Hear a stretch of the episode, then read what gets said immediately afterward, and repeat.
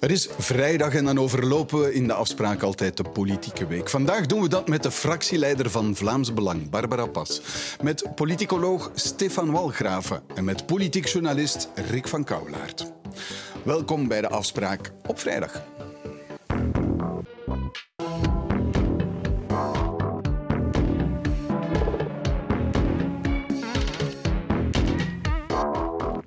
Goedenavond, professor Walgraven.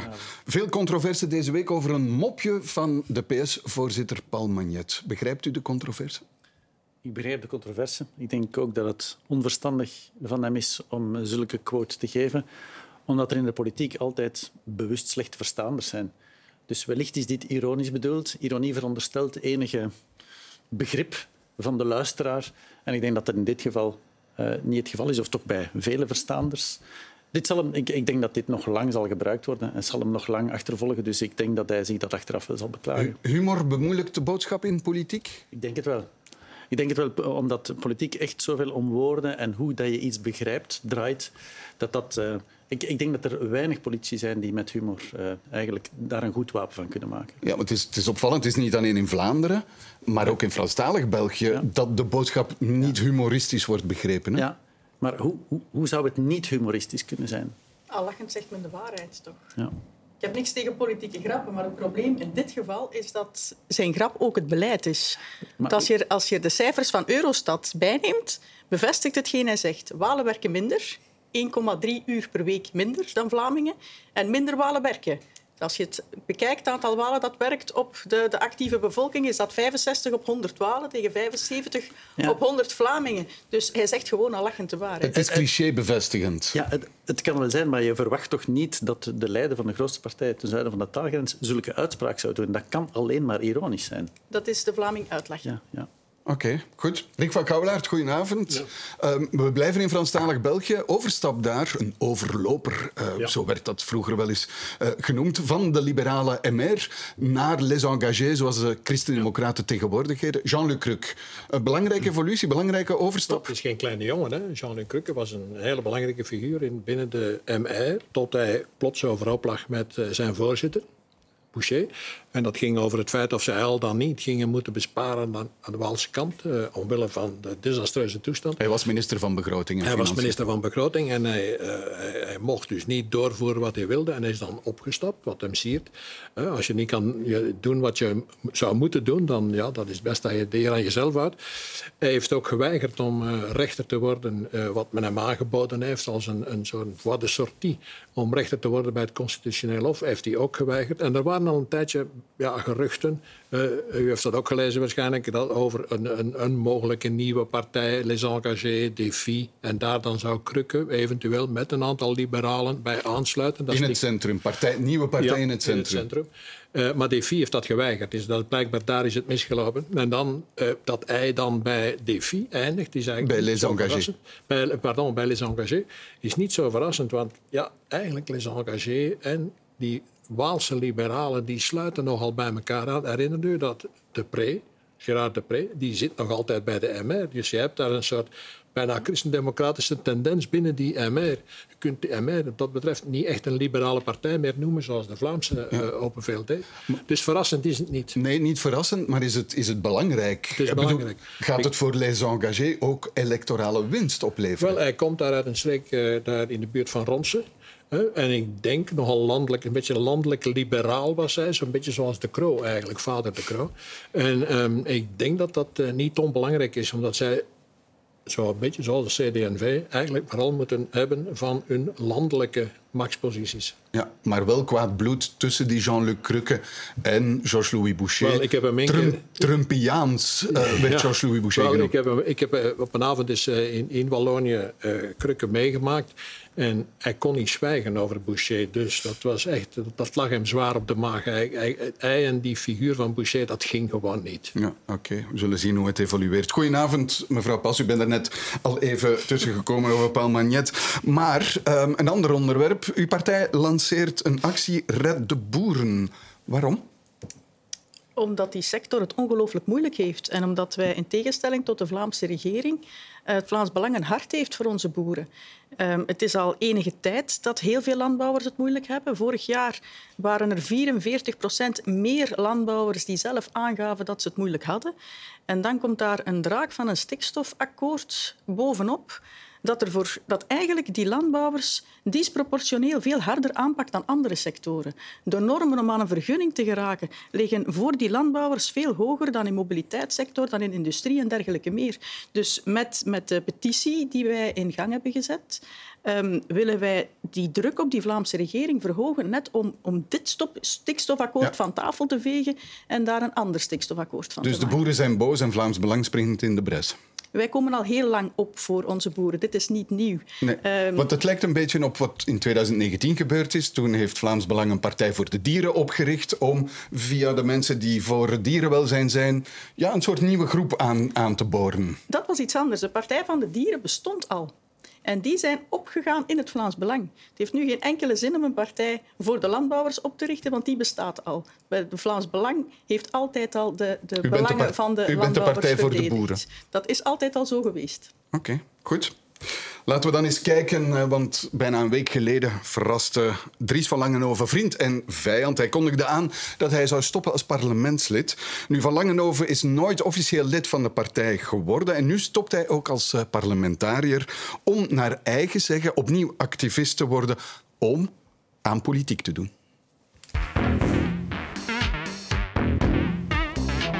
Dries van Langenhoven verlaat het federale parlement. Van Langenhoven zetelt op dit ogenblik nog in de Kamer. Hij is er deel van de Vlaams Belang-fractie. Ik stap uit het parlement.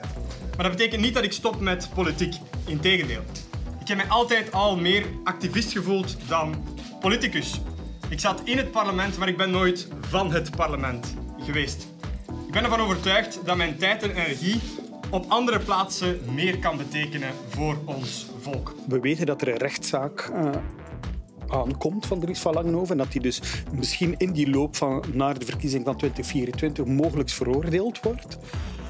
Dat is uiteraard zeer slechte reclame voor een partij van Vlaams Belang die probeert zich meer salonveeg voor te gaan doen. Ik zal als voorzitter van het Vlaams Belang nooit of te jamais toegeven aan chantage van politieke tegenstanders en al zeker niet van tegenstanders die verkiezing op verkiezing ja. verliezen en peiling op peiling achteruit. Dus dat heeft niet meegespeeld? Op dat vlak is mijn partij nog steeds één hecht Vlaams Belang. Goed, mevrouw Pas, waarom stopt Dries van Langenhoven als parlementslid? Dat heeft Dries duidelijk aangegeven. En dat lijkt mij ook een vraag om in eerste instantie zelf aan Dries van Langenhoven te stellen. Want ik, het is een, een vaststelling dat uh, um, heel de week men al over hem praat, omdat er bijzonder weinig met hem uh, gepraat is. Nu, hij heeft het zelf aangegeven waarom. Uh, er, zijn, er zijn een aantal redenen waarom hij denkt zich nuttiger te maken als activist dan, dan in het parlement.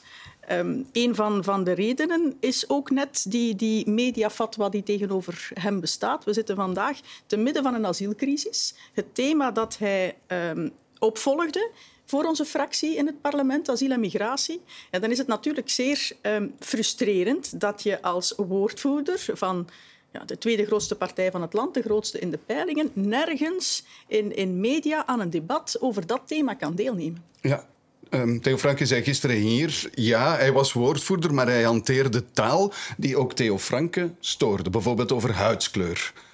Ik heb hem in het parlement nooit taal horen gebruiken die niet door de beugel kon. Wat ik van Theo Franke trouwens uh, niet kan zeggen. Dus uh, dat, daar heeft het helemaal niks mee te maken. Nee. Uh, het, het is wel een electorale aderlating voor de partij. Absoluut. Um, hij haalde net als ik meer dan 40.000 voorkeurstemmen.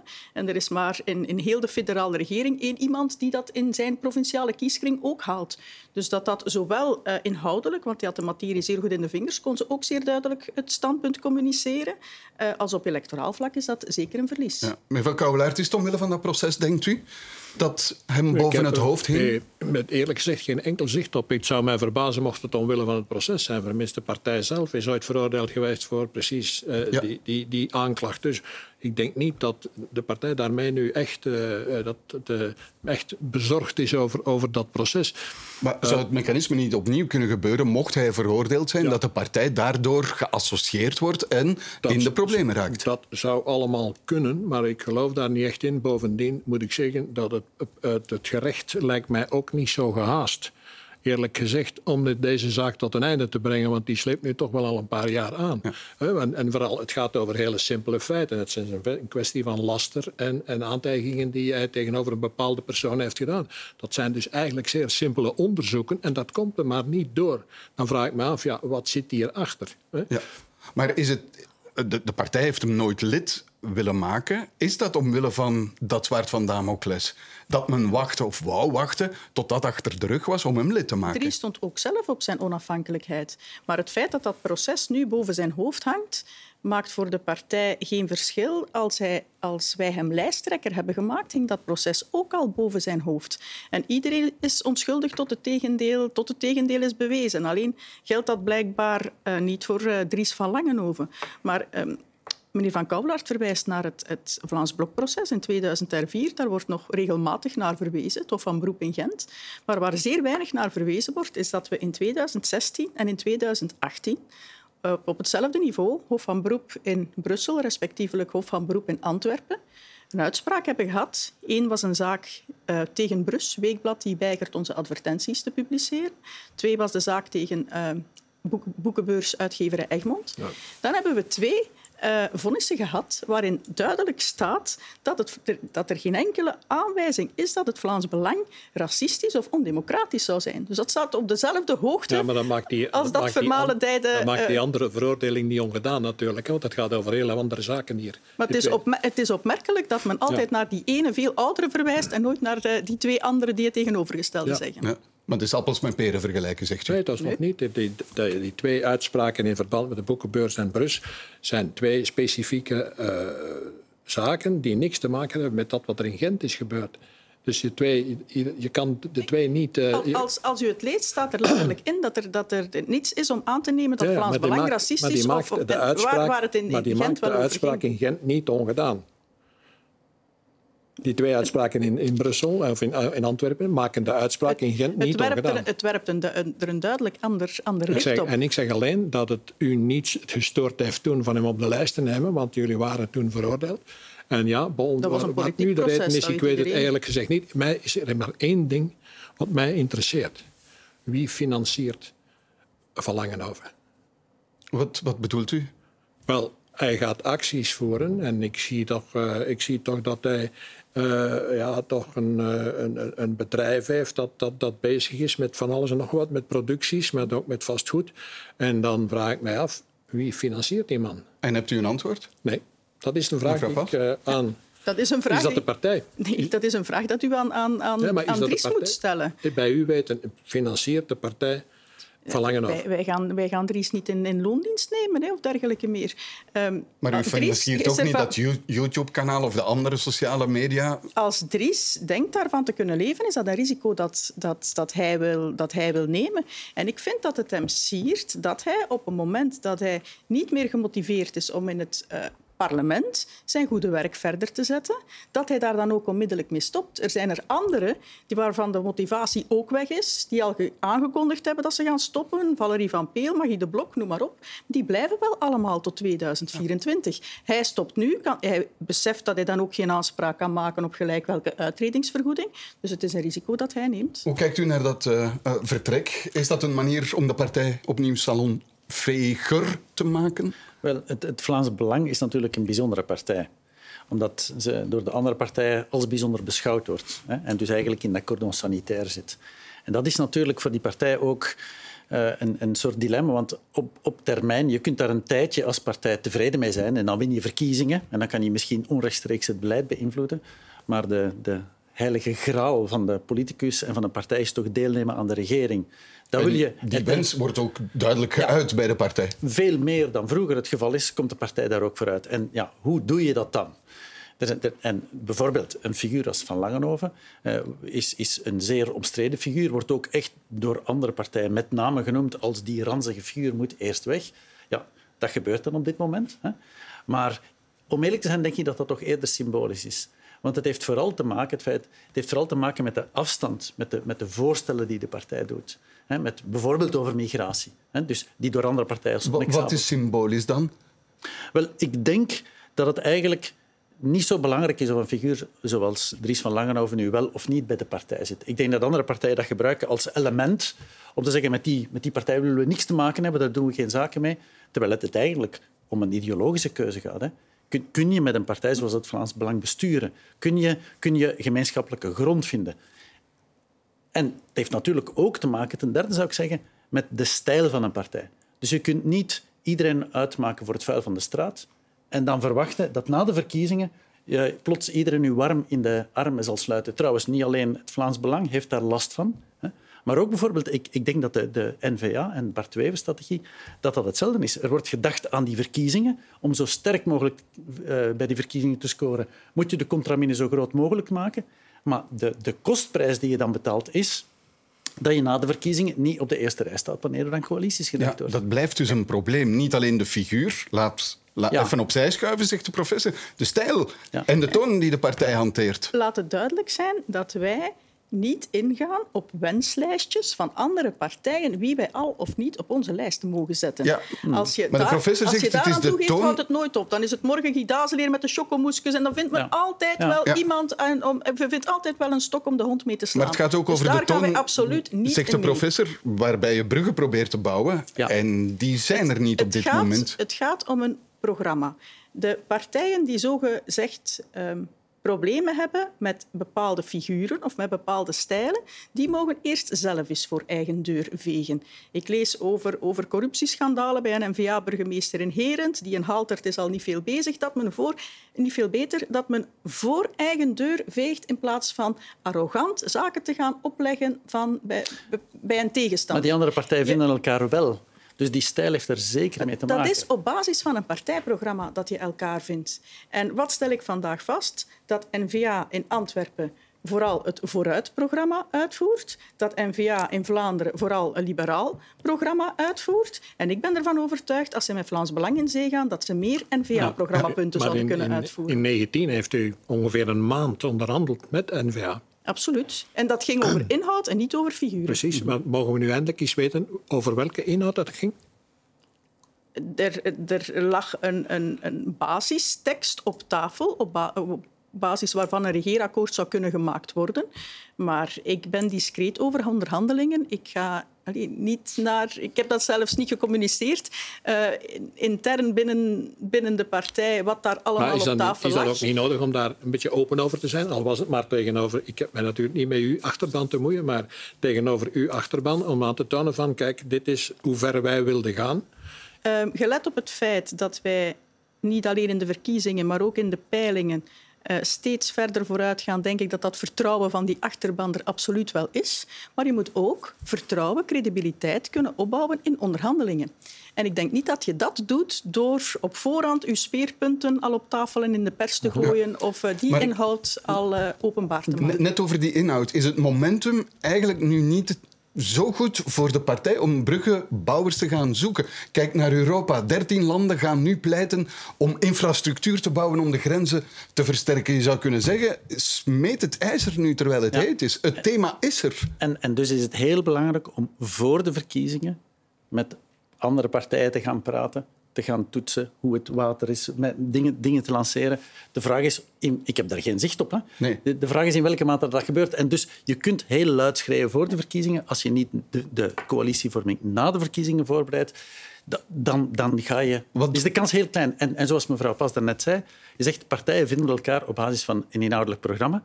Dat is de kern Absoluut. waarom er een cordon sanitair is omdat Nee, de andere nee, nee, nee, partijen nee. zeggen, wij vinden geen inhoudelijke convergentie. We zien ons niet inhoudelijk convergeren met het Ja, Vlaams maar Belang. in Eh, 2019 is er wel een maand lang U- onderhandeld. U, Daar vergist u u zegt zich nee, schromelijk. dus u zegt Dat- inhoudelijk zijn er wel convergenties. Natuurlijk. En, en we, neem nu bijvoorbeeld die, die eh, fysieke grensbarrières. Dat is iets wat wij in eh, Fort Euro, onder de noemer Fort Europa 14 maanden geleden als eerste in Vlaanderen hebben voorgesteld. Vandaag zijn daar heel veel partijen al voor te vinden.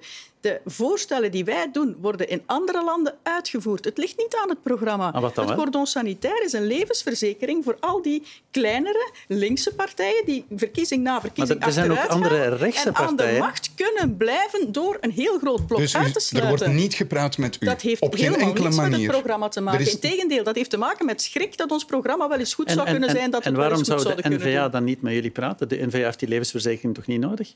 Dat- Dus je spreekt over kleine linkse partijen, maar die zetten de toon niet op dit moment. hè. De toon wordt gezet door rechtse partijen. Waarom doen zij dat dan niet? Helaas zitten wij met een Vivaldi-regering die daarin wel de toon zet. Oké, ik wil even en naar- die het momentum gisteren op die Europese top volledig heeft gemist. Ik wil even terug naar die inhoud. Hoe belangrijk is asiel en migratie voor, voor de partij? Wa- Waarom is dat een belangrijk thema? Superbelangrijk. Dus eh, asiel en migratie is gewoon een heel belangrijk gewoon een thema. belangrijk er zijn thema. ook, eh, los van politiek, zijn er heel veel mensen die daar wakker van liggen. Dus bij de verkiezing van 2019, heeft velen verwonderd, ook mij, was dat het belangrijkste thema.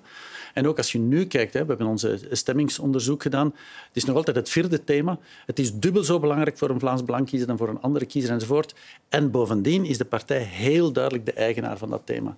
Dus er is, er, is, er is geen enkele partij die aan de, aan de enkels van het Vlaams Ja. Belang komt wanneer het gaat over betrouwbaarheid rond dat thema. En toch zegt u, het is het daardoor, door die inhoud, door dat thema, dat de andere partijen niet met Vlaams Belang willen praten. Dat is in ieder geval mijn hypothese. Je zit in België met een Belgische muur. Als men gelijk welke maatregel wil nemen om instroom te beperken of om een deftig terugkeerbeleid te voeren, dan bots je hier op een veto van PS en van Ecolo. We hebben dat gisteren op de Europese top ook gezien, waar we een, een, een premier hadden die daar alleen naartoe ging om te blinken op de officiële foto of eventueel te lobbyen voor zijn internationale carrière, maar daar niet eens een standpunt mocht Maar er wordt nu wel degelijk gepleit voor infrastructuurwerken om grenzen Eindelijk. en geld en om Eindelijk, grenzen. dat is een stap in de goede richting. Oké, Eva Koulaert. Maar ze, het Vlaams Belang, het Vlaams Blok vroeger, was een extreem flamingantische partij, tot ze zich meester maakten van dat, eh, van, van, van dat eh, onderwerp, namelijk de migratie.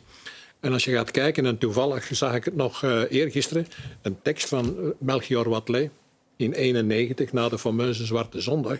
En wat waren zijn, zijn, zijn, zijn grote punten waarop hij een, een, een regering wilde samenbrengen? Dat was migratie, veiligheid en dan pas gezondheidszorg en pensioenen. Maar dus dat thema in 91 bij de eerste Zwarte Zondag was daar al. En daar hebben zij toen heel eh, zwaar mee gescoord. En zijn dat blijven doen. En men heeft inderdaad, daar heeft... eh, Problematiek is dat is een, een juiste vaststelling. Men, men heeft meer en meer een aantal van die eh, blok- en belangstellingen overgenomen. Ik hoor nu dat de premier eigenlijk ook voor het Australische systeem is. Hè, dat door, onder meer door eh Franken wordt verdedigd. voor de liberalen is dat een hele grote stap. Ja. Even, even terug naar Dries van Langenhoven. Ehm, die gaat nu buitenparlementair werken. Maakt dat kans? Doe je aan politiek buiten het, het parlement? is toch wel opvallend. Uiteraard, dus onder meer door sociale media is het nu echt veel meer mogelijk dan vroeger om eigenlijk onrechtstreeks aan politiek te doen. Dus je, je, doet dan, je kunt dat sensibiliseren noemen of de publieke opinie bewerken of iedereen met de publieke opinie bezig zijn. Op die manier kun je aan politiek doen. En uiteindelijk als individueel parlementslid van de oppositie in, in het parlement ja, heb, is je beleidsinvloed bijzonder beperkt. Meer dan 90% van de wetgeving komt vanuit de regering. Dus in die zin is het, eh, als je echt invloed wilt hebben, zeker vanuit de oppositie, ja, dan, dan, dan is het parlement niet, eigenlijk niet het meest effectieve. Je, natuurlijk, maar je, Dat is wel een nieuwe evolutie, hè? een nieuwe evolutie. Ik denk dat, dat bijvoorbeeld heel de, het, publieke, het creëren van dus de publieke sfeer en de sociale media en de traditionele media heel belangrijk zijn in het zetten van de toon. En dus als je mee daar de toon kunt zetten, dan kun je ook invloed uitoefenen. Er zijn zoveel sociale bewegingen. De klimaatbeweging probeert dat ook te doen. Hè? Sensibiliseren, de publieke opinie te bewerken. En op die manier eigenlijk onrechtstreeks, via de publieke opinie, druk te zetten op het politiek bedrijf en eigenlijk je, je idealen of je ideologie te realiseren. Ja, en deze legislatuur, helemaal in het begin, Jessica Soors, Jan Bertels gaan naar de uitvoerende macht, worden kabinetchef. Mhm. Intussen een aantal mensen, Valerie van Peel, Lorin Parijs, parlementsleden die gewoon afhaken in het midden van de legislatuur. Sommigen blijven langer zitten. Het parlement blijkt niet meer de uitverkoren plek te zijn om aan politiek te Nee, doen. maar dat is al langer natuurlijk. Hè, dat, men, dat men het gevoel heeft dat men, zeker als men in de meerderheid zit, hè, want men ligt dan letterlijk aan de ketting van de regering. Hè, de, regerings, de regeringspartijen mogen. Maar, maar goed, meneer Van Langenhoven zit niet aan de ketting van de regering. Hè? Pardon? Meneer Van Langenhoven Nee, zat nee, nee. niet aan... eh, Meneer Van Langenhoven is een ander geval. Meneer Van Langenhoven is, en ik heb dat nooit begrepen trouwens, die, eh, die is, laat ons niet vergeten, gemaakt geweest door de media. Niet door hemzelf, door de media. Doordat men hem plots een aantal uh, dingen, eh, reportages aan hem heeft gewijd en, en interviews en zo, waar dat blijkt, oh, oh dat, kon, dat kon een item worden. Terwijl eerlijk gezegd, ik heb als je mij vraagt waarvoor staat Van Langenhoven, dan weet ik het niet. Hij is natuurlijk een, ik zie dat hij probeert op sommige terreinen Steve Bannon te imiteren. De man die, die in Amerika Trump mee heeft eh, naar, naar voren gestuurd. Dat hij die technieken ook gebruikt via de sociale media. Maar de rest, met permissie, dat hebben wij gedaan, de media. Ja, mevrouw Pas. Wordt hij een concurrent voor Vlaams Belang vanuit die positie die hij nu gaat innemen? Of wordt hij gestuurd door Vlaams Belang in dat kanaal dat hij probeert te bereiken of op te starten? Hij wordt zeker en vast niet gestuurd door, uh, door het Vlaams Belang. Dries heeft altijd al op zijn onafhankelijkheid gestaan en dat zal er nu zeker niet minder op worden. Maar uh, ik ben ervan overtuigd dat wij dezelfde doelstelling hebben. Wij strijden allemaal naar dat als rechts-Vlaams nationalist naar een onafhankelijk Vlaanderen. Ik ben ervan overtuigd dat komt u, mijn partij daartoe het beste middel is. Heel goed uit. En dat, dat je hij nu een is ervan tweede... overtuigd dat hij daar als activist een betere bijdrage kan, kan toeleveren. Maar het is uiteindelijk wel hetzelfde doel. Ja, wel. Dus je krijgt een tweede kanaal dat geopend wordt. Hoera, hoera, zegt de partij dan het is, toch? Het is niet ons kanaal. We hebben onze propagandakanalen en onze propagandakanalen doen het zeer goed. Hij zal altijd extremer kunnen zijn dan de partij om te beginnen. Dat is een vrijheid die hij dan eh, teruggenomen heeft. En uh, alleen vraag ik me af, tot wat moet dat leiden? Wat, wat, wat er ook het probleem is in het parlement, zou je kunnen zeggen, dat is dat als individueel parlementslid ook dat, dat er particratie is, dat er partijdiscipline is. En dus dat dat, dat, dat ook wel een serieuze beperking is. Zelfs bij de oppositiepartijen. Ja, zelfs bij de oppositiepartij. Nog meer bij de regeringspartij. Maar, dus het stemmingsgedrag bij ons in het parlement... Edenbouw, want die blijft, die blijft maar schoren in Wallonië. Ondanks het feit dat hij in de oppositie zit. Dat is vooral bij de regeringspartijen het geval. Ja, maar het stemgedrag van de oppositie is ook 95% homogeen, hoor. Ik zit als je dat doorheen de tijd bekijkt. jaren in het parlement, maar de inhoudelijke discussies met de meerderheid, die worden er minder en minder op. Hè. Men doet slaafs wat die regering opdraagt. En dat is iets dat, dat scheef zit. Uiteraard heb je een democratie en oppositie nodig. En we, het is nuttig om ons werk in dat federale parlement te doen, mhm. om de pijnpunten bloot te leggen, om cijfers op te vragen die men anders niet zou communiceren. Um, zonder ons oppositiewerk was de vorige regering ook niet gevallen over het Marrakesh-pact. Dus dat heeft wel degelijk invloed en nut. En het zijn, het zijn die, vooral die, die parlementsleden van de meerderheid die luisteren naar wat, wat de regering doet. Goed, laten we eens kijken, want um, Dries van Langenhoven heeft intussen een interview gegeven aan doorbraak.be. Wat zegt hij? Wat zegt de Dries van Langenhoven die zijn um, vrijheid heeft herwonnen? En het gaat over asiel en migratie, integratie eigenlijk. Ik ben niet per definitie tegen de hoofddoek, zegt hij. Ik ben daar enkel tegen wanneer die ervoor zorgt dat Vlaamse meisjes zich beperkt voelen in hun beleving van de Vlaamse identiteit. Maar als er iemand uit de migrantengemeenschap uit eigen overtuiging een hoofddoek wil dragen, dan vind ik dat dat moet kunnen.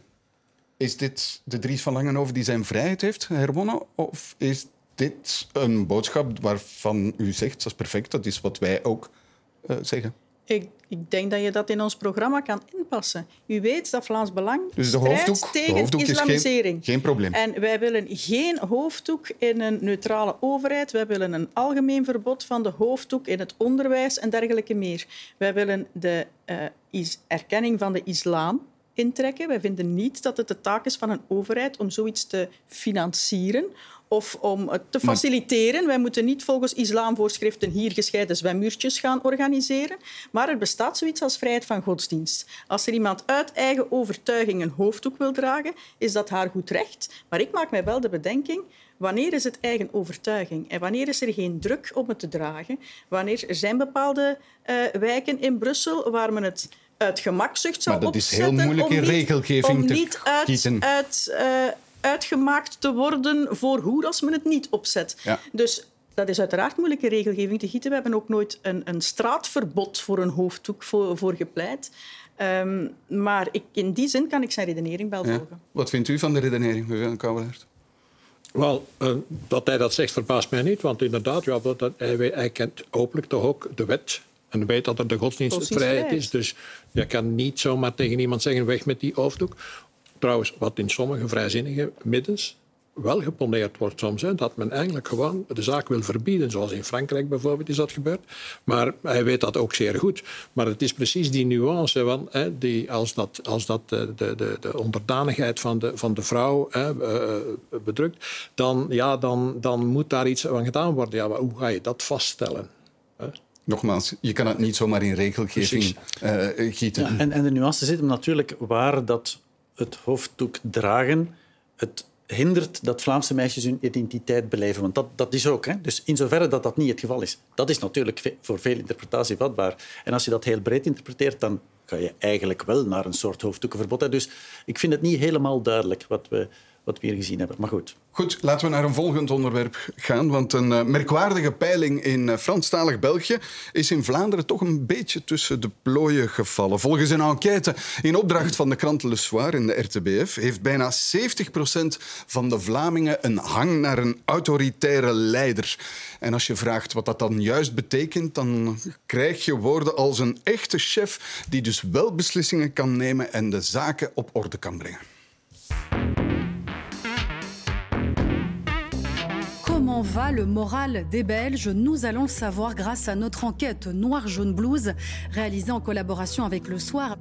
Les Belges ont le blues, plus rien ne va, c'est la déglingue, ils ont peur, ils se sentent incompris par les politiques notamment. Une solution pour eux, leur salut, c'est une société fermée, repliée, sans étrangers, terminer les élites encombrantes, incapables, et vivent le chef charismatique qui les comprend, qui les écoute, qui les réconforte et qui agit, lui, avec efficacité. Je sais qu'il y en avait d'autres qui disaient oui, mais il y a quand même d'autres modèles. Vous savez, en, en Chine, en Russie, c'était quand même beaucoup mieux. C'est des problèmes complexes, mais il y a un leader fort, et le leader fort, il décide, et ça avance. Bah, les pays avec des leaders forts, ça mène à des sociétés faibles. Et ça, c'est pas mon objectif. Ja, professor, hoe interpreteert u dat cijfer? Meer dan twee derde van de Vlamingen en eigenlijk bijna vergelijkbaar cijfer, 66 procent uh, bij de Belgen, heeft dus een hang naar een autoritaire leider. Met een geweldige korrel zout. Als je kijkt naar de manier waarop de vragen gesteld zijn, dan gaat het inderdaad niet alleen om een sterke leider, maar dan gaat het om een sterke leider die het volk goed begrijpt. Dus ik denk dat mensen politie willen die het volk goed begrijpen. Maar die sterke leider, daar gaat het eigenlijk niet om. Het gaat, het gaat eigenlijk daarover. Dus er is een, een, mensen hebben het gevoel dat ze niet vertegenwoordigd worden. Dus dat politie niet naar hen luisteren, niet weten wat ze willen, niet handelen in de lijn die de bevolking wil. En degenen die het wel doen, die hebben dan geen succes. En dat is het zich niet vertegenwoordigd voelen. En dus volgens mij gaat het daarover. Het gaat over representatie. Ja. En, en dus ik denk dat je... Eh, op dit moment zijn, zijn mensen ontevreden over... We hebben een crisis van de representatieve democratie. We hebben geen crisis van de democratie. En er is enorm veel... Wat is het verschil? Dat, dat mensen ontevreden zijn met representanten. Verstaat eruit partijen en politie. Daarover gaat het. Mensen zijn voor de rest tevreden, vinden dat er vrije verkiezingen moeten zijn enzovoort. Dus ik vraag me af in welke mate we niet te maken hebben met een soort... Uh, het principe van representatie, namelijk we verkiezen mensen die in onze naam beslissingen nemen of dat eigenlijk ja. niet ter discussie want staat. Als we even naar de cijfers uh, kijken, want we zijn op, ja. op een rijtje gezet, ja. dan zien we wel dat het gestegen is op pakweg twee jaar tijd. En behoorlijk gestegen. Als je, als, uh, wij doen voor jullie het onderzoek De Stemming. Daaruit blijkt als je vraagt naar tevredenheid met de democratie, ongeveer dezelfde periode, daar is volledig gelijk. Dus satisfaction with democracy, zoals wij dat... In welke mate bent u tevreden met de werking van de democratie in ons land? Dat is gewoon helemaal gelijk. Als je dat op de lange termijn bekijkt, zie je ook helemaal geen verschil. Dus ik denk dat we door een aantal crisissen, dat dat ongenoegen, vooral over die politici en die partijen, zo sterk is toegenomen, dat mensen eigenlijk zeggen alles is goed als een alternatief. Want ik ben ervan overtuigd, als je in die enquête zou gevraagd hebben naar directe democratie, referenda of deliberatieve processen, dat ook heel veel mensen zouden gezegd hebben, ja, dat willen we. We willen alles als het maar iets anders is. En als je een item geeft over een sterke leider, dan zullen ze zeggen, oh, dan willen we een sterke leider. Als je, gevraagd, als je hen zou gevraagd hebben, wij willen dat wetenschappers en experten het land besturen, ben ik ervan overtuigd dat mensen ook zouden gezegd hebben, ja, dat willen we.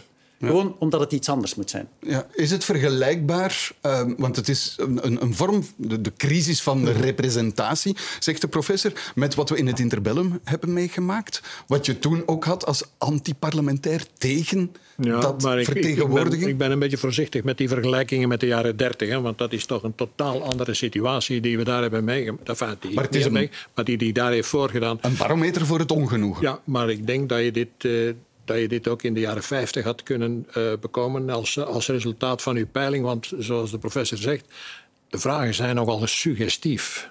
Hm? De vragen worden, het, het, het, antwoord ligt er blijkbaar al in besloten. Het, het, zijn geen vragen, het zijn, het zijn paragrafen die worden uitgelegd en bent u er dan, dan mee eens? Wat er wel is, en dat is het natuurlijk ook een, een heel gevaarlijk gevoel, en dat bestaat, dat namelijk de machthebbers die dan verkozen zijn, eigenlijk geen macht hebben. Namelijk dat zij zich moeten uh, beroepen op allerlei andere uh, beleidsniveaus, waar, we dan, waar die kiezer dan heel wat minder over te zeggen heeft. Neem nu, neem nu de stikstofzaak, dat is een Europese kwestie die op tafel komt. Neem de, neem de, de problemen met de, de financiële problemen. Dit is de Europese Centrale Bank die zegt dat, dat de, eerst de, de rente heel laag op nul wordt gehouden en dan ineens de, wil men de, de, de inflatie gaan bestrijden. Dat zijn zaken waar eigenlijk, als de premier en de regering eerlijk is, zij niets aan te zeggen hebben. Ja, hoe kijkt u naar, uh, naar die cijfers? Ik ben zeer blij met de, met de nuance van, van de professor. Want als je louter op die cijfers afgaat, vind ik het zeer verontrustend dat zo'n groot percentage voor uh, autoritair leiderschap zou kiezen. Nu, ik begrijp het ongenoegen uiteraard wel dat daarachter zit. Als men in een, in een land zit waar we uh, als Vlamingen altijd een ander beleid krijgen dan waar je voor stemt, ook nu zijn we weer een minderheid in deze uh, federale regering, ja, dan krijg je dat natuurlijk. Dus ja. de oplossing voor, voor het, het wanbeleid dat we vandaag krijgen, dat voor die cijfers zorgt, is uiteraard geen autoritair leiderschap, maar wel een, een splitsing van het land, dat men in Vlaanderen het beleid krijgt waarvoor men kiest, en een opheffing van het cordon sanitair. Ik denk dat die, die twee ja. zaken al heel hard zouden helpen. Ja. De, de, cijfers die we hier zien, als je dat in Nederland, in Tsjechoslowakije, in Canada, je gaat overal gelijkaardige data vinden. Dus dat idee van we voelen ons niet gehoord, hè, we worden uitgesloten, wij, er is geen stem. Hè. Onze stem wordt niet, wordt niet vertaald in de politiek. Dat is een algemeen proces. Dus ik denk echt dat we het effect van onze Belgische en Vlaamse politieke actualiteit echt niet moeten overschatten. En dus de maatregelen die je er ook zou nemen om de democratie te verfijnen of te verbeteren, het effect op vertrouwen van burgers in democratie zal niet sterk zijn, juist omdat het te maken heeft met, ik zou zeggen, diepe, met individualisering, met fragmentatie in de samenleving, dingen die veel belangrijker zijn dan, dan, dan een politiek systeem. Maar ik vind het wel een gevaar dat we de voorbije jaren ook in de uh, Westers, Europese landen hebben moeten vaststellen dat daar uh, veel meer autoritair beleid wordt gevoerd. Wat wij gezien hebben met de coronamaatregelen, van avondklok, van beperken uh, toegang tot de publieke ruimte voor, voor niet of niet volledig gevaccineerden en dergelijke meer. Um, als je daar kritiek op had, op zo'n autoritaire maatregelen, dan werd je meteen in het kamp van de antivaxers uh, gestoken. Als je kritiek hebt op een migratiebeleid, word je meteen in het kamp van het, van het racisme gestoken. Ik vind dat een groot gevaar vandaag voor de maatschappij, dat je dat open debat niet meer hebt. Ja. En ik ben ervan overtuigd dat dat mee dat ongenoegen voedt. Ja, ik, daar ben ik het niet mee eens. Namelijk, uh, mevrouw Pas zegt, ja, ze, mensen stemmen hè, en krijgen dan een ander beleid dan waarvoor ze gestemd hebben. Ik kan je twee voorbeelden geven van een totaal ander beleid waarvoor men zeker niet voor gestemd had. Ook omdat het voor de verkiezing was aangekondigd dat ze het zeker niet gingen doen. Dat was uh, Wilfried Martens met zijn, met zijn devaluatie. Hij had uh, bij alle heden gezworen om te zeggen, ik ga dat niet doen. Is nadien beloond geweest in de verkiezingen. De Hane heeft een heel zwaar, een heel zwaar besparingsprogramma uh, doorgevoerd waar niemand voor gestemd had. Hij heeft de verkiezingen nadien gewonnen. Wat mensen willen is dat er beslist wordt. En als je dan ziet, bijvoorbeeld in Vlaanderen, dat je met een Vlaamse regering zit, hè, wij gingen dat allemaal veel beter doen. En die slagen er zelfs niet in eh, om, iets, om een, zinnig, uh, een zinnig compromis te vinden over, over de stikstof. Een dossier dat daar al twintig jaar ligt. Ja, dan zeggen ze, ja maar jongens, wat doen jullie hier? Er moet gewoon beslist worden er op het moment. Er moet beleid gevoerd worden en dat ja. gebeurt niet. Eigenlijk kun je zeggen, een, een, deel van het probleem is dat er te veel democratie is. Ik, ik, ik ga het uitleggen, maar waar het eigenlijk op neerkomt dat is... Dat een gevaarlijke stelling. Ja, waar het eigenlijk op neerkomt is dat politie heel sterk met publieke opinie bezig zijn. Angst hebben voor de kiezer. En de reden waarom er bepaalde maatregelen... Dat is iets anders dan democratie. Nee, en dus ze willen democratisch zijn. Ze, ze houden rekening met de bezonjes van de kiezer en nemen bepaalde maatregelen niet, omdat ze zeggen, als we die maatregelen nemen, ja, dat, dat is, dit zijn impopulaire maatregelen. Ze doen alsof ze rekening houden met, uh, Nee, met ik denk, en de reden waarom dat het moeilijk tot besluit te komen is met een, met, uh, met een regering van zeven, heeft gewoon ook met die zeven te maken, of, maar altijd moeilijker in Vlaanderen zijn ze niet met zeven. schijnt te worden, dat is dat zij allemaal denken aan hun achterban, denken aan hun kiezers en ik denk dat dat voor een stukje een democratische reflex is, dat je rekening houdt met jouw kiezers, wat Maar jouw kiezers willen. kiezer- en je wilt die niet tegen de haren Die kiezer vraagt toch een goed beleid. Als je die kiezer een fiscale hervorming belooft, een pensioenhervorming Ja, belooft... maar een goed beleid is, er bestaat niet En er zoiets komt als... allemaal niks van in huis, dan geraken die mensen natuurlijk Ja. gedemotiveerd Maar in politiek. een Men goed beleid voor is en na de altijd- verkiezingen iets helemaal Een goed anders. beleid is altijd goed voor sommigen en minder goed voor anderen. De, de publieke opinie en de burger bestaat natuurlijk niet. Hè? En goed beleid is en dus- ideologisch gedefinieerd. Uiteraard. En dus als je zegt van we willen een stikstofakkoord en dat gaat ten koste van de boeren, wel, dan zullen de boeren dat geen goed beleid vinden. Terwijl anderen dat misschien wel een goed beleid. Dus het idee van dat er zoiets bestaat als een goed beleid dat boven elk belang verheven staat, dat is... Nee, maar Ja, er moet, er moeten beslissingen genomen worden. En dat is ook voor de boeren zo. Als de boeren een- daar een, een klare beslissing krijgen en zij weten waar zij aan toe zijn, dan zullen ze dat waarschijnlijk eh grommend, maar ze zullen dat, eh, ze zullen dat eh, ondergaan. Als men Terwijl, eind... oh, sorry. nee, nee, Ja, terwijl nu gebeurt er niks.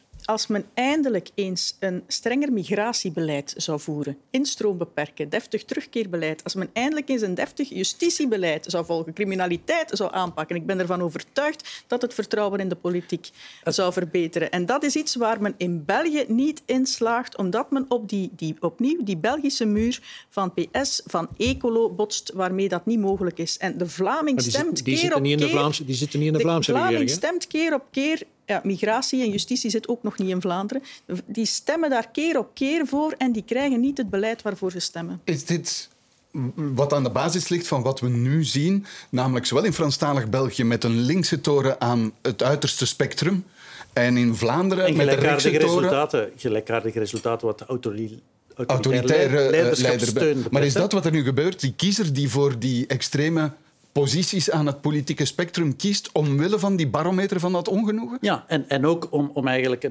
En dus de ironie wil dat als je dan voor extreme partijen stemt en die zitten niet mee aan tafel, dat je dan eigenlijk niet het beleid krijgt dat je wilt en dat dat eigenlijk leidt tot dat centrum eh, eh, leegloopt, waardoor het altijd moeilijker wordt om beleid te maken. En dus je hebt eigenlijk... Die, die fragmentatie die we krijgen maakt het altijd moeilijker om een sterk beleid te voeren. Dus dat is de ironie. Dan hè? is er maar één oplossing. Dan moeten ze met die verkiezingsoverwinnaars aan tafel zitten, omdat dat de enige kans is op een echt ander beleid. Ja, als die aanvaardbaar zijn voor de andere partijen. Andere partijen zeggen, kijk, dit is ideologisch te ver, daar kunnen we niet mee samenwerken. Dus Is het- dat is de... Is het zo eenvoudig? Nee, Eh, doorbreek het cordon sanitair, Nee, laat zo- Vlaams Belang meebesturen en het probleem is opgelost? Nee, zo eenvoudig is het niet, want dat is natuurlijk de, de hele illusie die gecreëerd wordt bij de achterban, dat dat onafhankelijk Vlaanderen alles zal veranderen. Laat ons Hè, een als kans om het te als je proberen. dat- nee, maar als je ziet, waar, waar ga je, gaat u uit Europa stappen? Uit de Europese Unie. Gaat u daaruit stappen? Wij gaan daar niet uitstappen. Paul, economie beslist u niks. Financieel beslist u niks. Buitenlands besluit beslist u niks. Ja, wat, wat is er dan? Wat is het grote voordeel van Dan die onafhankelijkheid? dan gaat tenminste Vlaanderen vertegenwoordigd worden binnen die Europese instellingen. Vandaag zit, zitten daar bijna alleen Franstaligen nee, hun ze- belangen te verdedigen tegen de belangen van Vlaanderen in. Dus Vlaanderen heeft er alleen maar domeinen. belang bij dat zij hun eigen belangen binnen die Europese instellingen kunnen gaan maar- vertegenwoordigen. Dus ook binnen Europa zou het een, een, zet in de goede, meneer stap in de goede richting meneer zijn. Van Kouwelaert, zijn punt, bijvoorbeeld net asiel en migratie, het dossier dat zo belangrijk is voor uw partij, is ook grotendeels een Europees beleid. Waar Absoluut. de regels vast liggen. Absoluut. Waar u dus als Vlaams Belang ook heel weinig aan zal kunnen doen. Vermits u zegt, we stappen niet uit de Europese Unie. Dat betekent dat u daar... moet- dan zouden wij, in tegenstelling tot een premier die, die gisteren zat te zwijgen op de Europese top, net zoals Oostenrijk, voortrekker zijn om een aantal dingen te forceren binnen die Europese Unie. En niet, het is niet alleen eh, Europese samenwerking. Er zijn ook een aantal zaken die je soeverein kan beslissen binnen de marges die de Europese Unie vandaag heeft. Neem bijvoorbeeld een voorbeeld aan Zweden. Die hebben al aangekondigd dat ze de gezinshereniging gaan verstrengen. Dat kan perfect binnen de Europese context die er Nee, vandaag bij is. Nederland is het mislukt, We kunnen het vandaag perfect een heel aantal dingen strenger aanpakken in dit land, binnen de krijtlijnen die Europa, Ja. die, die Europa uitzet. Dus het is een, dat is een en-en verhaal. We kunnen het zelf veel strenger doen en we moeten met onze bondgenoten in Europa aan de kar trekken om het daar fundamenteel te veranderen. Op, opnieuw dezelfde vraag. Is het probleem opgelost wanneer Vlaams Belang mee aan het beleid komt? Zit dan die barometer van het ongenoegen, gaat die dalen? Nou, ik denk het niet. Wat ik, wat ik daarnet zei, het, zit, het is zo fundamenteel, met, met, het heeft met fragmentatie, met, met, met individualisering in de samenleving te maken, dat ik denk dat dat... eh, kijk, kijk naar landen waar radicaal rechtse of radicaal linkse partijen aan de macht zijn gekomen. Denk je dat het wantrouwen daar gedaald is in die landen? Er zijn er veel, hè? Of in een gedoogsysteem of in een niet-gedoogsysteem. Wel, in Italië heeft- heeft, mevrouw, heeft eh, mevrouw Meloni Ja. zich in, meteen ingeschakeld in het Europees beleid. Ja, dus en dat is denk- althans extreem rechts. Dus Ja, la- laatste, laatste opmerking eh, met Van Kouwelaert. Wat zegt dit eh, over de verkiezingen van 2024? dat we nog een eeuwigheid verwijderd zijn daarvan. Aan de andere kant zoveel gebeuren onderweg. Eh, ik, moet zeggen, daar, daar ben ik eh, eh, zeer voorzichtig mee met daar voorspellingen over te doen. Maar dat als deze, bijvoorbeeld als deze crisis blijft aanhouden, eh, mi- migratiecrisis dan, ja, uiteraard ga je, dan, ga je daar gevolgen van zien. Ja? Ik, ik denk voor 2024, het Vlaamse Belang was de enige partij die echt volop het ongenoegen kon capteren. Ik denk dat we in 2024 aan de linkerzijde ook een partij hebben die ook... In Wallonië, in Wallonië maar, vooral. maar, maar ook bij ons, ook in Vlaanderen, die dat ongenoegen kan capteren. En dat is denk ik wel een nieuwe situatie. Ja. En politici, wordt altijd gezegd uit het verleden, de staatsmannen eh, die we nu niet meer hebben, kunnen zij nog het verschil maken of is dat pure nostalgie Nee, ik uit denk dat dat verleden? De situatie is anders natuurlijk. Hè. De situatie waarin, waarin de Hane opereerden of de, de Wilfried Martens opereerden, om dat niet te noemen, want daar wordt dan naar verwezen. Dat waren totaal andere situaties. Eh, de, de hele connectie tussen een land als België, een klein land als België en Europa, dat de grote Europese geheel, is totaal veranderd. Ja. Verkiezingen van 2024, reikt u de hand opnieuw naar de N-VA om te zeggen van laten we samenwerken? Of is het water nog altijd te diep tussen we, die we twee hebben partijen? al, al meermaals de, de, de hand gereikt, maar in 2024 is mijn grootste ambitie dat die Vlamingen, die het vandaag niet makkelijk hebben, dat die eindelijk het beleid krijgen waar ze al zo lang voor stemmen. Dat is, dat is mijn ambitie. En, met wie en, en hoe dat gebeurt, is het minste van mijn zorgen. Maar er moet een ommekeer komen in het beleid in 2024. En ik ben ervan overtuigd dat dat alleen maar kan als het Vlaams Belang de grootste partij wordt. Oké, dat is het einde van deze afspraak op vrijdag. En daarmee is eh, weer een politieke week netjes neergelegd. En zoals altijd dank ik mijn gasten voor de deskundige hulp daarbij. Barbara Pas, Stefan Walgraven en Rick van Kouwelaert. En u, dames en heren, dank dat u er opnieuw bij was. En tot volgende week.